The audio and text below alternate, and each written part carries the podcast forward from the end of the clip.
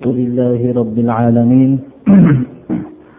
والصلاة والسلام على رسوله خاتم الأنبياء والمرسلين وعلى آله وأصحابه الآمرين بالمعروف والناهين عن المنكر إلى يوم الدين.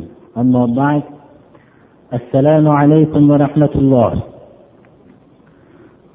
muhtaram birodarlar bugungi kun zulhijja oyining yilimizni oxirgi haj oyining yigirma beshinchi kuni. Yana besh kundan keyin ya'ni payshanba kuni bu hijriy sana yangi bo'ladi. Juma kuni hijriy sananing ikkinchi kuni bo'ladi. Muharram oyi kiradi. Alloh subhanahu va taolo kirib kelayotgan musulmonlarning yangi yilini islomning zafari yili qilsin. Alloh taolo bu kirib kelayotgan yilimizda islomga quvvat bersin. Jahondagi mustazafillarga alloh subhanahu va taolo najot bersin. Musulmonlarning dillaridagi shar'iy maqsadlarini alloh taolo ro'yobga chiqarsin. Shu hamma musulmonlarga najot bergan qatorda bizlarning mana shu yerdagi oz miqdordagi jomi musulmonlariga ham bu niyat qilib turishgan maqsadlarini mana shu yilda tez muddatlarda alloh taolo ro'yobga chiqarsin. va bu yerda islomga muvofiq so'zlarni aytishlikni alloh muvaffaq qilsin va bu eshituvchi kishilarga ham mana shu haqiqiy so'zlar aytilgandan keyin bunga amal qilishlikka alloh subhanahu va taolo muvaffaq qilsin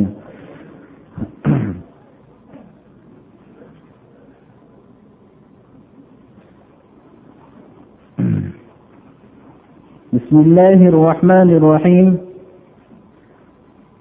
navbatdagi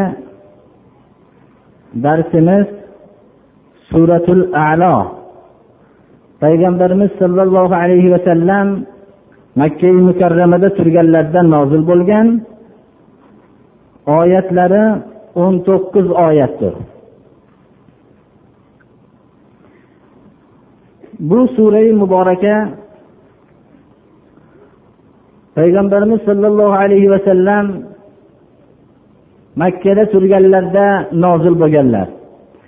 Makkada mushriklarning aziyatlari nihoyat darajada qattiq bo'lgan davrda nozil bo'lgan. Alloh subhanahu va taolo payg'ambarimiz sollallohu alayhi vasallamga mana shu surani nozil qilishlik bilan o'ziga yaqin qilib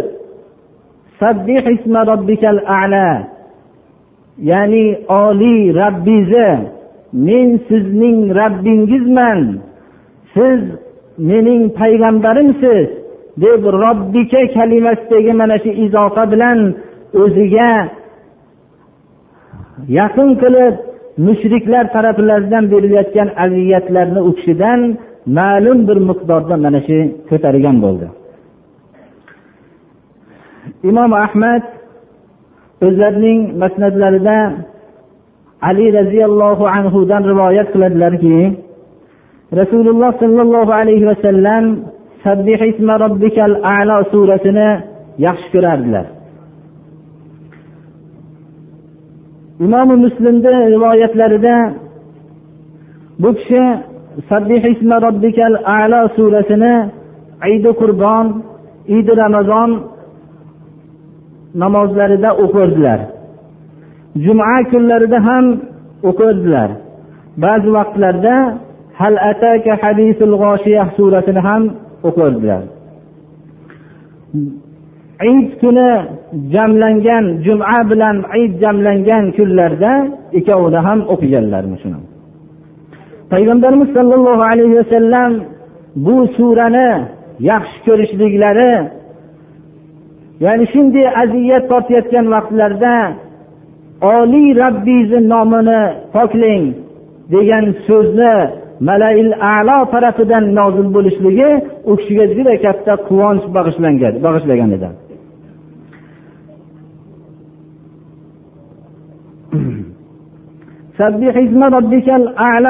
Surasi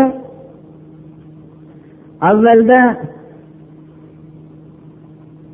oliy rabbingizni nomini poklang degan buyruq bilan boshlanadi. Payg'ambarimiz sollallohu alayhi vasallam shu surani davomiy holatda tashqari namozdan tashqari o'rinlarda o'qiyotganlarida doim shu oyatni a'lo deb o'qishlari bilan subhana robbiyal alo deb keyingi oyatga o'tardilar. Ollohni buyrug'iga darrov labbay deb oliy rabbingizni nomini poklang deganda oliy robbimni nomini poklayman deb javob qaytarib o'tadilar. Surasi nozil bo'lganda payg'ambarimiz sollallohu alayhi vasallam dedilar. Sajdada shu so'zni ollohni oliy rabbiylarni poklanglar dedilar. Shuning uchun biz sajdamizda subhana robbiyal ala deymiz fasabbih bismi robbikal azim oyati nozil bo'lganda ij'aluha fi sujudi ij'aluha fi ruku'ikum dedilar rukuinglarda shu tasbihni qilib olinglar dedilar shuning uchun rukuda subhana robbiyal azim deymiz mana payg'ambarimiz sollallohu alayhi vasallam rob taoloning nomini poklab sano aytayotgan vaqtlarida sano aytib bismillahi rohmanir rohim la alayk anta kama asnayta ala nafsik.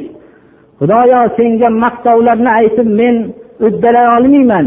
Sen o'zingni zotingga sano aytgan zotsan. Sen o'zingni zotingga o'zing bilan sano aytolmaysan men sano aytib uddalay olmayman dedilar mana. سبح اسم ربك الأعلى الذي خلق فسوى والذي قدر فهدى والذي أخرج المرعى فجعله غثاء أحوى oliy rabbizni nomini poklang tamomiy mavjudotni yaratib uning barobarlashtirilib barobarlashtirilib muvozanatlagan oliy rabbiyni nomini poklang hamma olamdagi mavjudotni miqdorlab va o'zining nima uchun yaratilingan bo'lgan yo'liga yo'llab qo'ygan rabbingizni poklang alloh taolo butun olamnidagi o'zini va butun mavjudotni hammasini yaratdi. Hamma olamni yaratishlik bilan birga ularni nihoyat darajada barobarlashtirdi. Nihoyatda muvozanatlashtirdi va u yerdagi hamma olamdagi koinotda bo'lsin. Tirik mavjudot hayvonot olami bo'lsin. Insonlar olami bo'lsin. Yoyinki o'simliklar olami bo'lsin. Yerning ostidagi olamlar bo'lsin. Suvni ichidagi hamma olamlar bo'lsin. Hammasini nihoyat darajada nozik suratda miqdorlab ularni hammasini yaratilishligidan bo'lgan maqsad sari yo'llab qo'ydi. Biror narsa ollohning qonunidan tashqari chiqolmasdan harakat qiladi. Agar mana hozirgi fan rivojlangandan keyin ollohni qaysi darajada miqdorlaganligini qaysi darajada yaratilishlikdan bo'lgan maqsad sari yo'llab qo'yganligini hozirgi fan nihoyat darajada ko'p bilmoqda birodarlar. Agar o'simliklar olamiga nazar tashlasangiz mana daraxtlar olamiga nazar tashlasangiz shu daraxt ustidan yumalab tushgan bir yong'oq biror chuqurga yumalab tushgan yong'oq. Shu yumalab bahorda shundan yong'oq unib chiqadi. Qish bilan turib ollohning ana aytgan muddatida ko'karishlikni boshlaydi. Shu ko'karish natijasida shu yumaloq yong'oqni ichida tamomiy katta bo'lib voyaga yetgan vaqtidagi xususiyatlar hammasi shu yong'oq ichida joylanib bekinib yotgan birodarlar. Ana shu hujayralar shunday harakat qiladiki yer yuzidagi eng aqlli inson ana shunday harakat qilolmaydigan suratda harakat qiladi. Har bir hujayra o'zi uchun ko'rsatilgan vazifani to'la o'taydi ana shu narsani. Hatto ana shu chuqurda bekinib yotgan yong'oqda voyaga yetgandan keyin barglardagi chiziqlar va u barglarning ichida bekinib yotgan ko'p hali insonlarga ma'lum bo'lmagan xususiyatlar ana shu yumalab yotgan yong'oqni ichiga joylangan birodarlar. Tanasidagi mustahkam bo'lishlik xususiyatlari hammasi mana shu yumalab ana shu chuqurda bekinib yotgan yong'oqqa joylangan birodarlar. Boshqa tirik mavjudotga nazar tashlansa asalarilar chumolilar boshqa suvlikda yashayotgan ilonlar boshqa hayvonlarning hammasi ko'rsatilgan maqsadni to'la to'kisda bajaradi. Shuni alloh taolo yaratgan va o'zining yaratilishligidan bo'lgan maqsad sari yo'llab qo'ygan. Birortasi ana shu ko'rsatilingan qonundan tashqariga chiqmaydi. Biz bu haqda har qancha ko'p ko'p narsalarni gapirsak ham hech narsani bu har qancha ko'p kitoblar yozilsa ham bu haqda hech qanday alloh taoloni olamda yaratgan ana shu qonuniyatlarni bir qismini ham bayon qilib bo'lmaydi birodarlar. Buni hozirgi fanga fandagi butun olimlar hammasi buni isbotlashyapti. Hatto olimlarni ba'zisi chumolilar olamini tekshirib ko'rgan olimlarni ba'zisi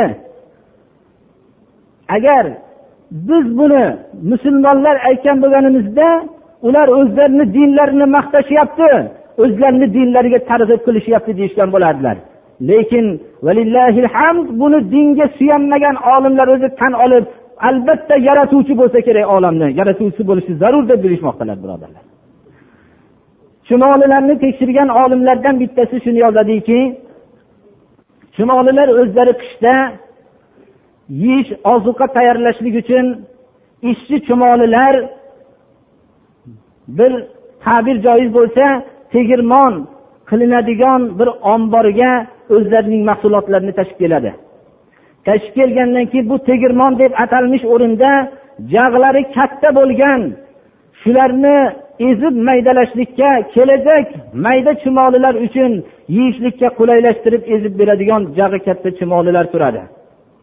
Ana shu chumolilar u narsani alloh subhana va taoloning vahiysi bilan uni yeb qo'ymaslik keragini tushunishadilar. Uni chaynab o'zini kelajak avlodga hozirlab qo'yishlik kerakligini tushunishib chaynab o'shaga maydalab qo'yib qo'yishadilar. Maydalab qo'ygandan keyin boshqa bu yerdagi chumolilar toifasi ularning endi vazifasi o'tagandan keyin ularning qish muddatida turishligi jag'lari katta bo'lganligi sababli bu mahsulotlarni yeb qo'yishligidan tashvishlanib ularni hammasini o'ldiradi ana shuning uchun kelajak chumolilar avlodiga buni saqlab qo'yilgan narsani ular yeb qo'ymasligi uchun o'ldirishadi. Ana shu narsani kim bularga bildiradi? Undan tashqari yana chumolilarni kuzatgan olimlar shuni aytishadilarki chumolilarning bir toifasi asir qilib ishlatadigan toifalari bor. Ular ma'lum bir miqdordagi o'zlariga maskan hozirlashlikda hammani ishga soladi. Hatto hali chumoli bo'lmagan qurt bo'lib turgan ana shu mayda biz uni chumoli demaymiz. Shu hech qanday chumoli deyishlik nomiga hali sazovor bo'lmagan mayda qurtlarni ham ishlatishadilar. Shulardan suyuqlik chiqarib ana shu binoni qurishlikda foydalanishadilar deydi.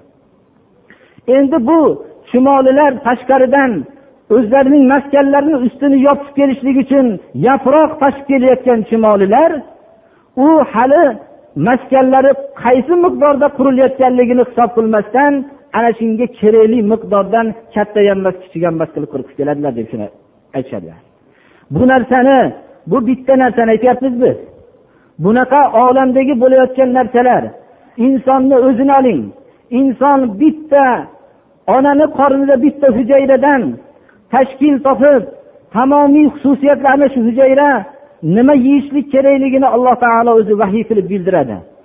Ana shu hujayra keyin sekin asta bo'linish natijasida qo'l bo'ladigan oyoq bo'ladigan bosh bo'ladigan va har qismdagi bo'ladigan qo'ldagi nechta tomirlar bo'ladigan hamma hujayralarga taqsim bo'lib bo'linadi. Har bir hujayra o'zining qilinishlikdan nima yaratilishlikdan bo'lgan maqsadni komil suratda bajaradiki yer yuzini olimlariga shu ishni topshirilsa bajara olmaydi birodarlar. Bu narsalarni agar inson yaratuvchiga tan olib yaratuvchining ana shunday olamni yaratib o'zining yaratilishligidan bo'lgan maqsadga yo'llab qo'ygan deb javob aytmasangiz bu ro'parangizdan koinotdan yer ostidan dengiz taylardan chiqayotgan savollar sizni mahkam ushlaydi o'zingiz bu savollarga javob aytolmaysiz shundan qochib qutulolmaysiz. Lekin fan olimlari kashf qilayotgan narsalar bor narsaning bir ulushini aytishdan boshqa narsa emas u birodarlar. Uni kashf demaymiz uni biz.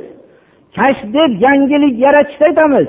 Kashf deb bor narsaning yuzdan birini topib mana shunday narsa ekan bu shunday narsalarni bajarar ekan deyishlikni kashf demaymiz birodarlar biz uni.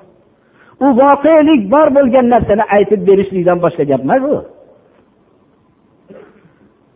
ana ana shunday yaratgan hamma olamni muvozanatlashtirgan va nihoyat darajada miqdorlab yaratilishidan bo'lgan maqsad sari yo'llab qo'ygan oliy robbiyni nomini poklang subhana robbiyal ala subhana robbiyal ala subhana robbiyal ala والذي أخرج المرعى فجعله غثاء أحوى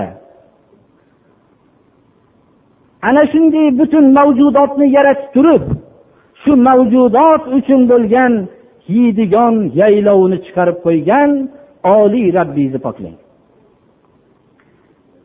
Maro yaylov. Yaylov bu faqat biz bilgan yaylovgina emas. Yer yuzidagi yaylovdan kinoya uning yeydigan ozuqalari. Yer yuzida yurgan mavjudotning yaylovi. Yer ostida bekinib yotgan mavjudotning yaylovini ham hozirlab chiqarib qo'ygan. Ular ham yerni ostida o'zining ozuqasini yeb yotishadilar. Suv ostidagi mavjudotning yaylovi ularning ham yemishlarini suv ostiga joylab qo'ygan. Havodagi yuruvchi mavjudotning yaylovi ularning ham havodagi butun narsa yaylovni yaratib qo'ygan ozuqalarni hatto hayotul hayvonda shu narsani bayon qilinganki biz uni to'g'ri noto'g'ri bo'lishligini rivoyatchini yelkasiga qo'yamiz. Hayotda shunday kuchlar borki umrbod yerga qo'nmaydi deydi. Ular butun ana shularga alloh subhana va taolo rizqini beradi.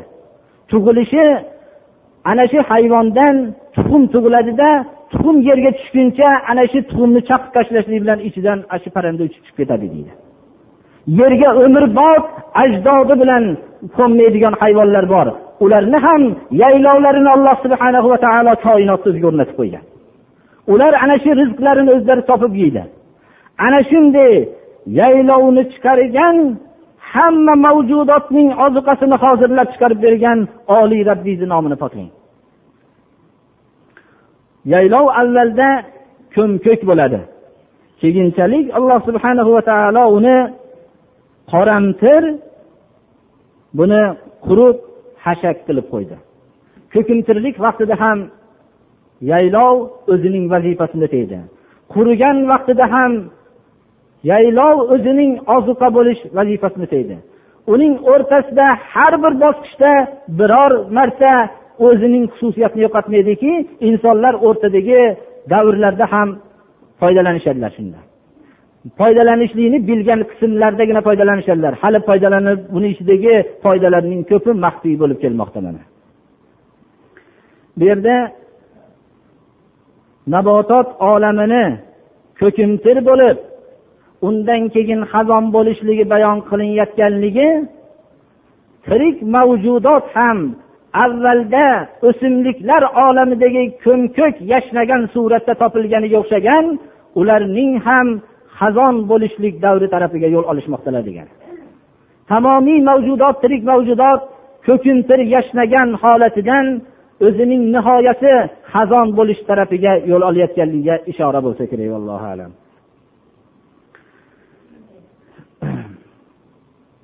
Janobi rasululloh sollallohu alayhi vasallam vahiy omonatini nihoyatda tashvish bilan ko'tarardilar.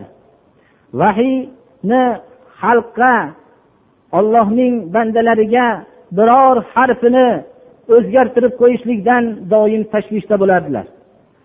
Shuning uchun jibril alayhissalom oyatlar olib kelganlarida u kishi bilan birga shoshilib shuni qaytarib olishlikka harakat qilardilar.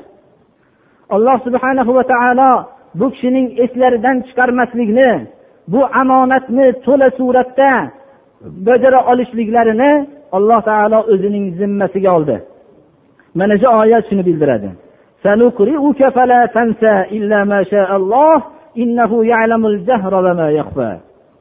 Biz sizni qiroat qildiramiz. Qur'onni sizni o'qitib bildiramiz. Qur'onni sizni qalbingizga joylaymiz. Kelajakda albatta shunday qilamiz. Siz buni hech esdan chiqarmaysiz. Olloh xohlagan suratdan boshqa vaqtda. Ollohni mashiatini hatto qat'iy va'da bo'lgan o'rinlarda ham zikr qilinadi. Mashiati ilohiyani mo'min kishi o'zini qalbida nihoyat darajada mutlaq ekanligini hech qanday narsaga muqayyat emas ekanligini doim tasavvurida saqlashlik uchun qat'iy va'da bo'lgan o'rinlarda ham mashiati ilohiyaga qayd qilinadi.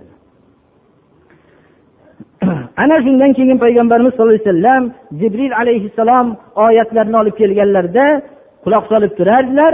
Ketganlaridan keyin xuddi jibril alayhissalom o'qigandek o'qirdilar mana. Bu janobi rasululloh sollallohu alayhi vasallamga bu risolat omonatini vahiy omonatini qur'on omonatini hech esdan chiqarmaslikka ollohning kafil bo'lishligi juda katta marhamatdir bu. Bu payg'ambarimiz sollallohu alayhi vasallamga marhamat bo'lishlik bilan birga u kishining ummatlariga ham juda katta marhamatdir. Olamdagi hamma yo'llarga putur yetdi. Ular odamlarning eslaridan chiqarildi. Ularga o'zgartirishlar kiritildi. Ular yillar o'tmasdan turiblar kirgan qonunlarga o'zgartirishlar kirgizildi. Lekin qur'oni karimni alloh taolo payg'ambarimizdan hech eslardan chiqarmaslikni to'la yodlarda saqlab qolishlikni va hamda qur'oni karimni qiyomatgacha o'zi saqlashlikni va'da qildi. Bu nihoyatda ummati muhammad uchun bo'lgan juda katta marhamatdir birodarlar. Lekin biz qur'on hayotimizga qanday o'zgarishlar yasaganligini bilmaymizda qur'onning bashariyat uchun bo'lgan ne'matini biz esdan chiqarganmiz shuning uchun. Alloh taolo sizning oshkor holatingizni va maxfiy holatlaringizni hammasini biladi bir ma'nosi siz oshkor ovozingizni chiqarib o'qiyotgan tilovatingizni maxfiy tilovatingizni hammasini bilib turadi yoyinki mutlaq insonni oshkoru maxfiy narsasini hammasini alloh taolo biladi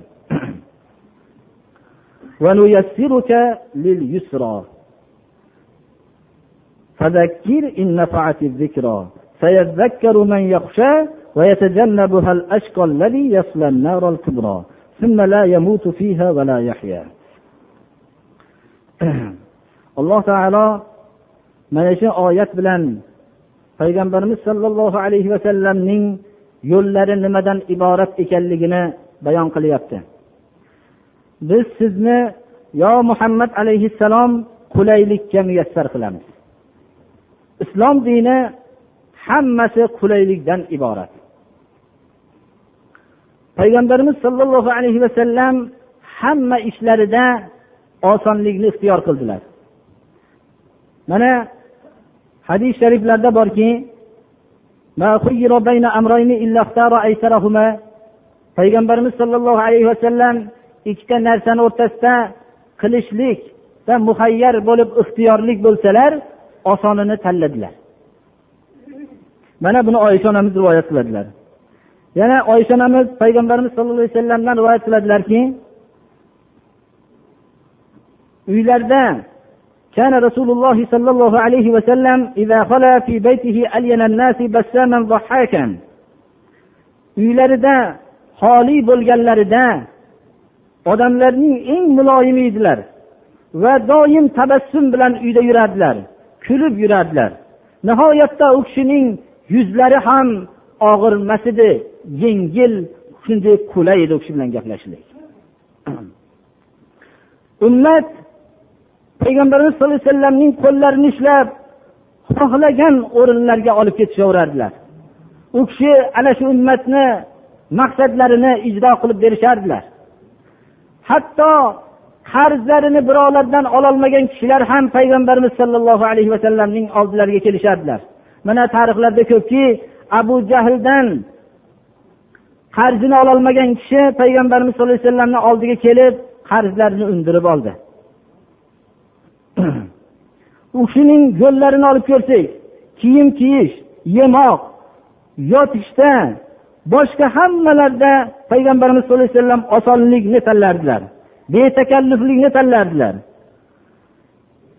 u kishining mana kiyimlari haqidagi hadis shariflarda payg'ambarimizning sallalari bor edi. Hazrati aliga buni kiydirib qo'yganlar keyin. O'zlari shu sallani kiyib yurgan vaqtlarida sallalarini tagidan bir do'ppi kiyardilar. Ba'zi vaqtda do'ppini o'zini sallasiz ham kiyardilar. Ba'zi vaqtda do'ppisiz sallani o'zini ham uraverardilar. Qulay bir alohida bir kiyimga bir qalib tikib olmagan edilar. O'zlarida bir osonlikni ixtiyor qilgan edilar. Salla o'ragan vaqtlarida boshlaridagi sallalarini hozir biz fash deymiz mana. Shunisini orqaga tashlardilar. Ba'zida tashlamay ham qo'yaverardilar mana. Payg'ambarimiz sallallohu alayhi vasallamni minbarda ko'rdim deydilar. Umar ibn hurays degan sahobiy qora salla o'rab turibdilar. U orqalariga mana shuni tashlab olgan ekanlar. Ba'zi vaqtlarda mana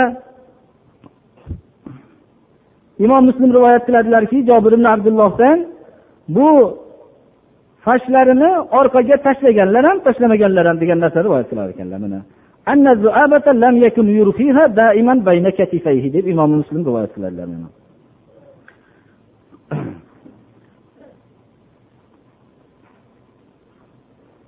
yemoq haqida payg'ambarimiz sallallohu alayhi vasallam yeydigan odatlari pokiza taom olib kelinsa qaytarmasdilar. Yo'q taomni qildirib kelishlikni talab qilmasdilar. Shirinliklardan u kishiga pokiza taomlardan nimani yaqinlashtirib olib kelingan bo'lsa shuni yerdilar. Mabodo bir tabiatlari xohlamagan bo'lsa yemasdilar ammo lekin harom ham demasdilar ayblamasdilar ham. Masalan bu kishining dasturxonlarida hozirgi mana arab tilida bobbun deydi keskaltirikdan kattaroq bir hayvon bo'ladi shu yeyilgan bu kishi yemaganlar. Lekin buni harom demaganlar. Mana shuni ulamolar hujjat qilib buni harom emasligiga hujjat qilishadilar asalni yaxshi ko'rardilar halvo yerdilar va xurmo yerdilar sutni ichardilar faqat sutni o'zini ham ichaverardilar suv bilan aralashtirib ham ichaverardilar tolqon yerdilar asalni suv bilan aralashtirib ham ichardilar xurmoni suvini ichardilar va sut tolqondan tayyorlanadigan ovqatni ham yerdilar biror bir go'shtni qoq go'sht deymiz qatigan go'shtlarni ham yerdilar oshqovoq pishirilgan oshqovoqni yerdilar biror bir kelgan narsa halol bo'ladigan bo'lsa bunga bir takalluf qilmasdilar. Hayotlarning hammasi qulaylikka qurilgan edi mana.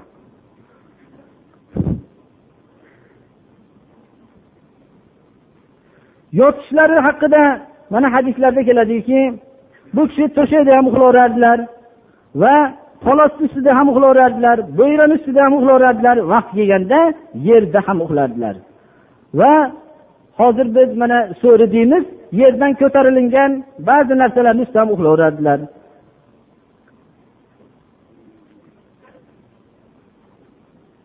Payg'ambarimiz sallallohu alayhi vasallam o'zlarining dinlarini ifodalab ummatga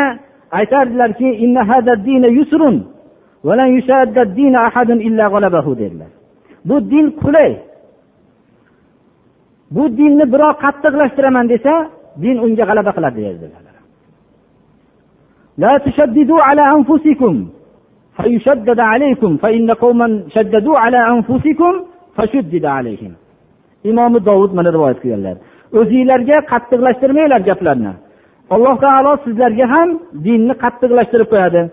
Sizlardan ilgarigi bir toifalar o'zlariga qattiqlikni ravo ko'rishgan shuning uchun dinni ularga ham qattiqlashtirilgan dedilar. Mana muomalalar bobiga qarasak muomalalarda payg'ambarimiz sallallohu alayhi vasallam aytganlarki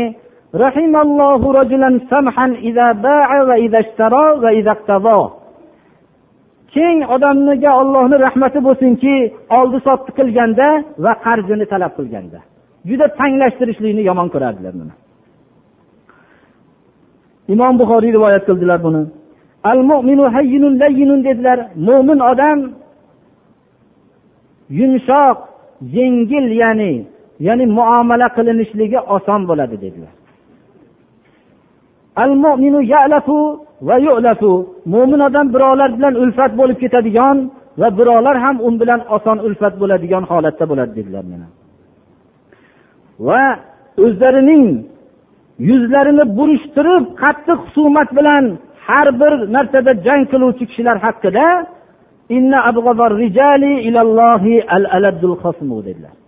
ollohga eng yomon ko'rilingan odam har bir narsani janjal bilan hal qiladigan odam dedilar hatto payg'ambarimiz sollallohu alayhi vasallam shunday qulaylik osonlikni xohlardilarki nomlarning ham nihoyatda haligi juda ham g'amni ifodalovchi nomlarni yomon ko'rardilar nomni o'zini ham. Said ibn musayyab rivoyat qiladilarki payg'ambarimiz sallallohu alayhi vasallamni oldiga bir kishi keldi. Payg'ambarimiz sollallohu alayhi vasallam aytdilarki noming nima dedilar? U nomini arab tilida haznun dedi. G'am dedi. Payg'ambarimiz aytdilarki qo'y ey nomni buni anta bal anta sahlun dedilar. Seni noming sahl bo'lsin. Sahl arab tilida yumshoq yengil degan narsani bildiradi. Qo'y g'amdi dedilar. Shunda shu odam dadam qo'ygan nomni o'zgartirmayman dedi. Said ibn musayyib aytadilarki shu odam qayerga kelsa g'am paydo bo'laverdi dedilar mana shunday. Imom buxoriy rivoyat qilganlar mana. Payg'ambarimiz sollallohu alayhi vasallamdan abdulloh ibn umar rivoyat qiladilarki mabodo noshar'iy nomlar shunandaqa g'amni ifodalovchi nomlar kelib qolsalar o'zgartirib qo'yadilar mana asiya degan nomni o'zgartirdilar. Itoatsiz degani ayn bilan bo'lsa hamza bilan bo'lsa yaxshi nom bo'laveradi. Shu nomni o'zgartirib qo'ydilar jamila deb o'zgartirib qo'ygan ekanlar. Mana shu narsalarda har bir ishlarida payg'ambarimiz sollallohu alayhi vasallam yengillikni o'zlariga ixtiyor qildilar mana. Lekin harom bo'ladigan bo'lsa undan eng uzoq bo'ladigan zot edilar ana alloh taolo u kishiga va'da qiluvdiki biz sizni osonlik qulaylikka muyassar qilamiz dedi. Lekin bizni dinimizni tanimagan din dushmanlari dinimizni nihoyatda og'ir taklifotlarga buyurdi deb tushunishadilar. Bizni dinimizdagi man qilingan narsalarni hammasini harom qilingan narsalarni bulardan qaytishlik qiyin deb tushunishadilar. Hayotini ichkilikka bag'ishlagan odamlar aroqning harom ekanligini qabul qilisha olmaydilar. Hayotlarini buzuqlik bilan o'tkazgan kishilar shariatdagi buzuqlikning harom ekanligini qabul qilisha olmaydilar. Bular qabul qilisholmasalar ajabmas bu narsalar. Chunki avval islomda ham ana shunday johillar dinga tanimagan mushriklar bo'lgan. Payg'ambarimiz sollallohu alayhi vasallam bilan bayat qilishlik uchun kelgan mushriklar hammalari bayatda aytishardilarki shu zino bilan aroqqa ruxsat bersangiz boshqa narsalarni qabul qilardik deyishdilar. Lekin ularning tabiatlarining past bo'lganligidan shunday qilishdilar.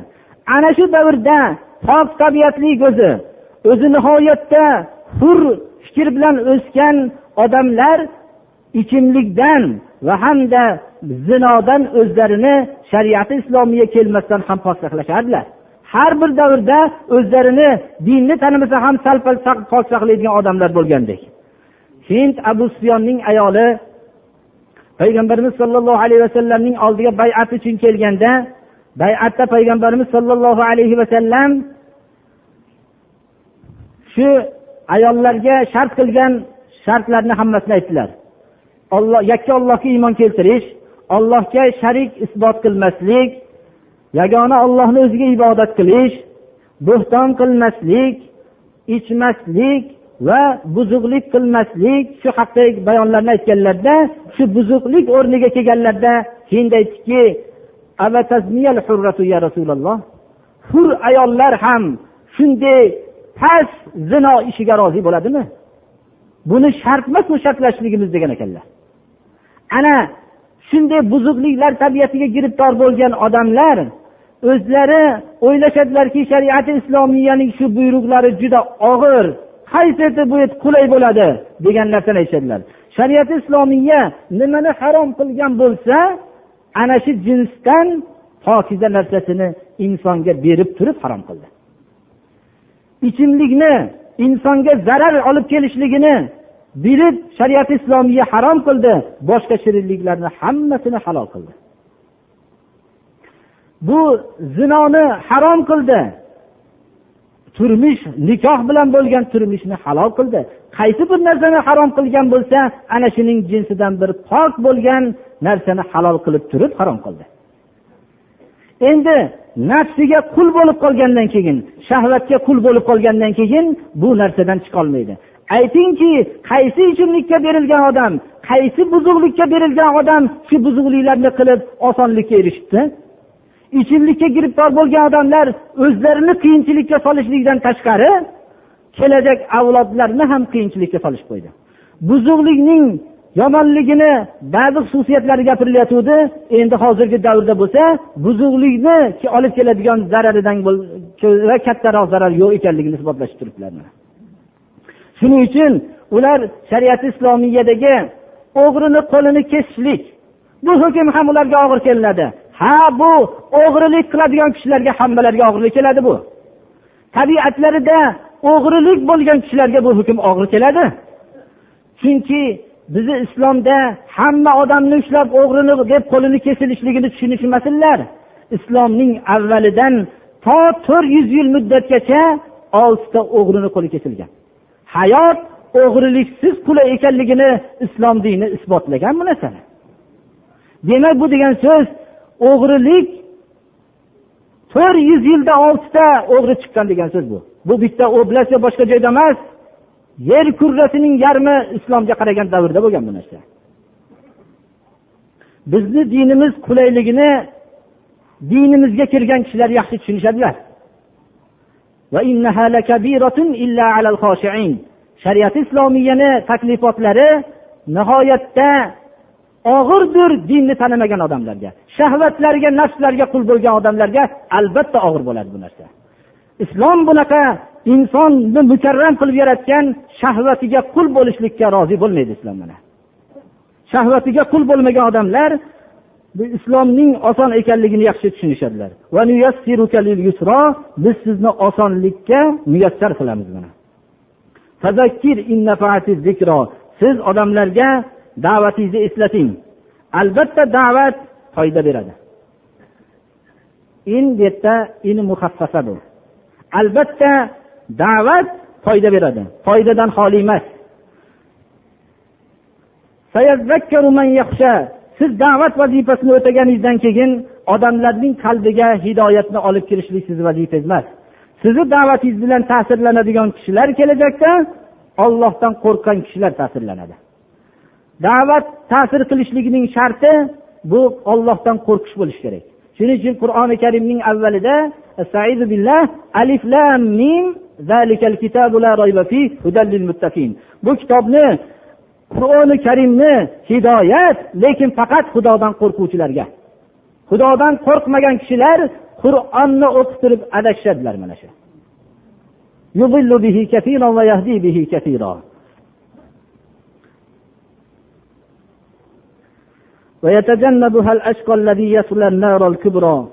Bu da'vatdan baxtsiz odamlar chetga chiqadi.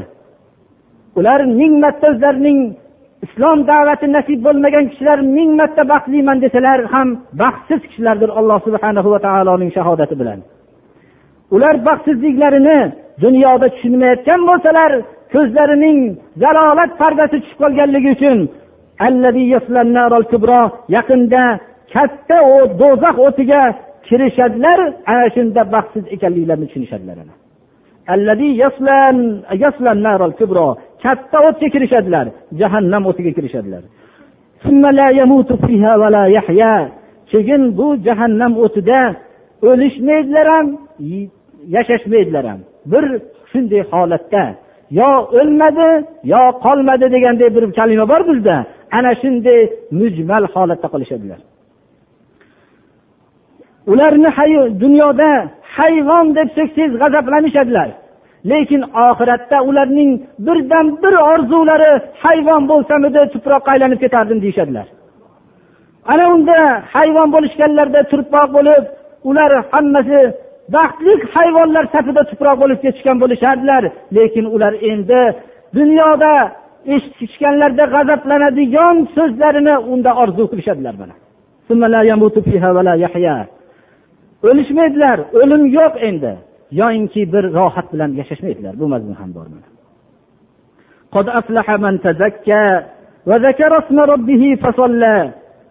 o'zini aqida ne'mati bilan poklagan zotlar poklanmagan zotlar albatta najot topadi. O'zining tarbiya kunandasini nomini esga olib va robbining buyrug'ini ibodatini ya'ni namozni o'qigan kishilar albatta najot topadi. Lekin odamlar o'zlarining baxtsizliklarini sirini bilishmayaptilar.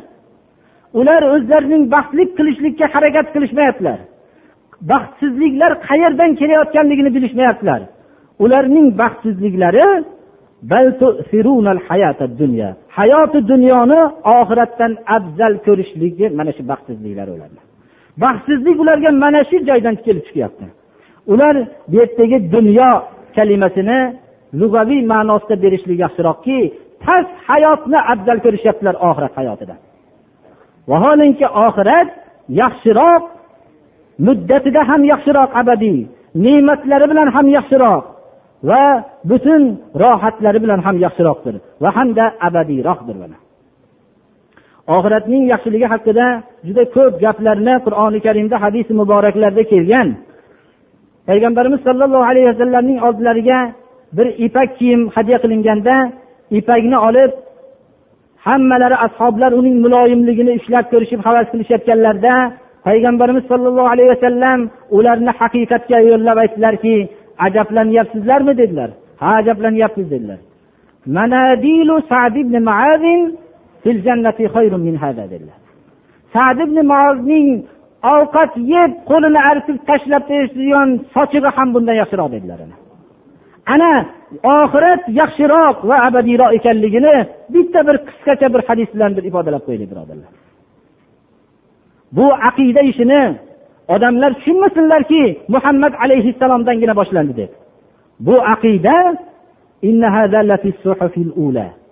avvalgi sahifalardan to odam alayhissalomdan tortib bo'layotgan ana shu olloh tarafidan ulug' payg'ambarlarga tushgan sahifalarda shu aqida ishi davom etib kelyapti. Bu ibrohim alayhissalomni sahifalarida muso alayhissalomga tushgan ba'zi rivoyatlarda tavrotdan boshqa sahifalarda bu ham bu aqida ishi bordir tavrotda albatta bor lekin tavrotdan ilgari ba'zi sahifalar tushgan degan rivoyatlar bor shularda ham bu aqida ishi bor. Aqida islom payg'ambarimiz sallallohu alayhi vasallamdan boshlangan emas birodarlar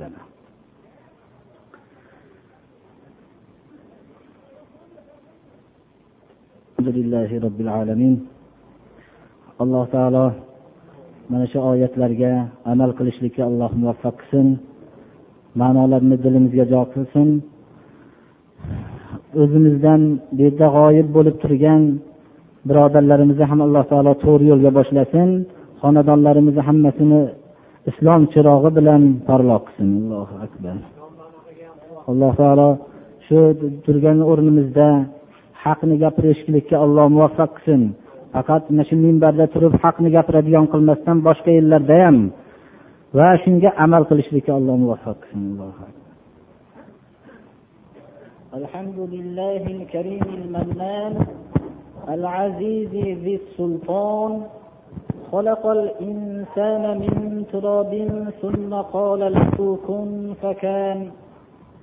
يعصي ويمنع ويخفض ويرفع ويصل ويقطع ويشتت ويجمع كل يوم هو في شأن.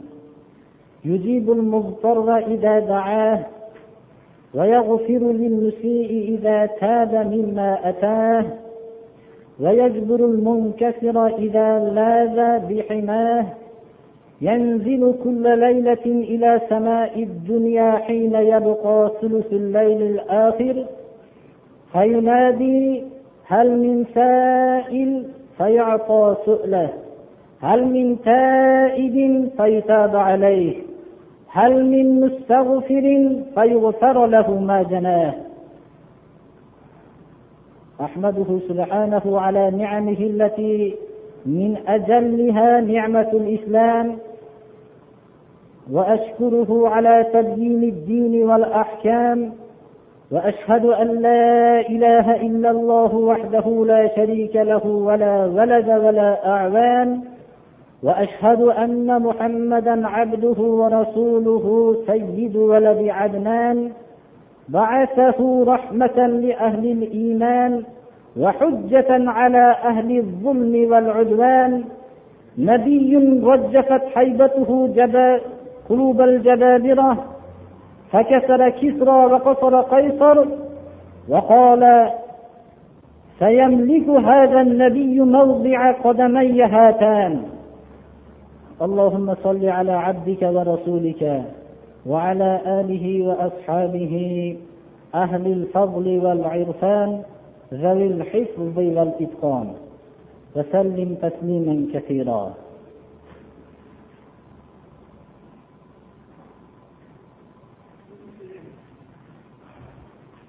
الحمد لله رب العالمين والصلاة والسلام على رسوله خاتم الأنبياء والمرسلين وعلى آله وأصحابه أجمعين خصوصا على الصديق والفاروق وذي النورين والمرتضى أئمة رضوان الله تعالى عليهم أجمعين.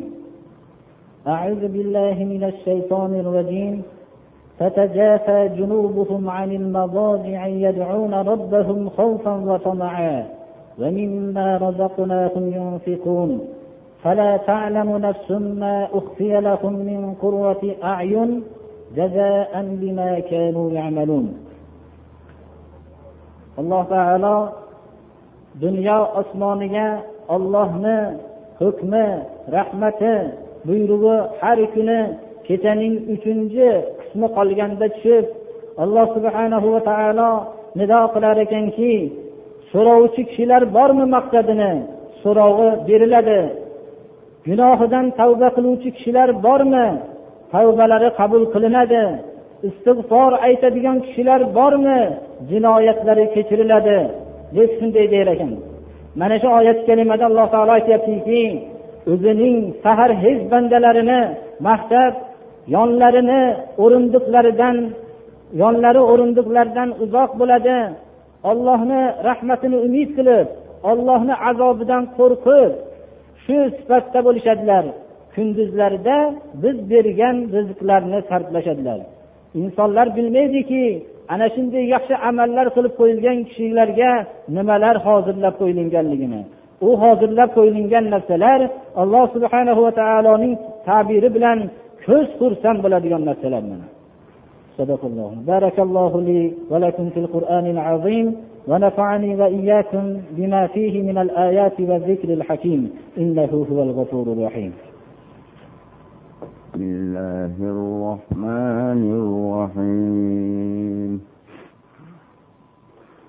وإن كنتم على سفر ولم تجدوا كاتبا فرهان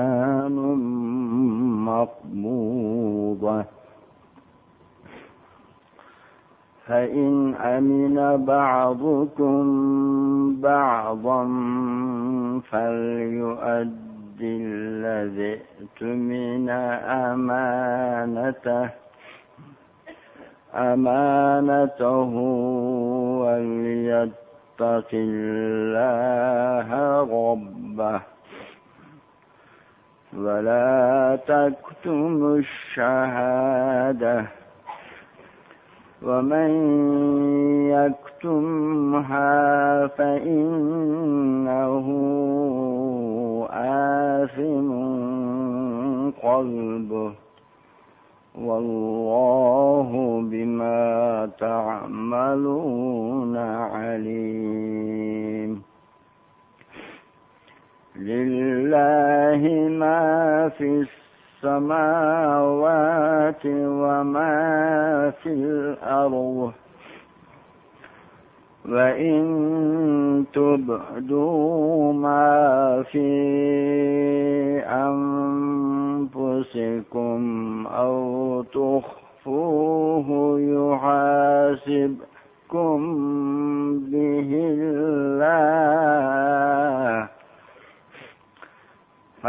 فيغفر لمن يشاء ويعذب من يشاء.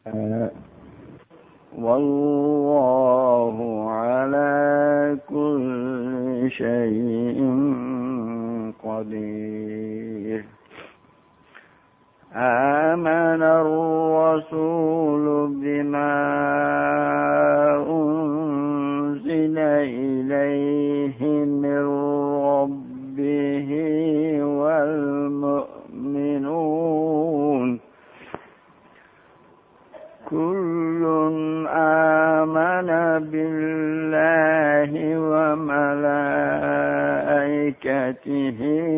وكتبه ورسله ورسله لا نفرق بين أحد من رسله. وقالوا سمعنا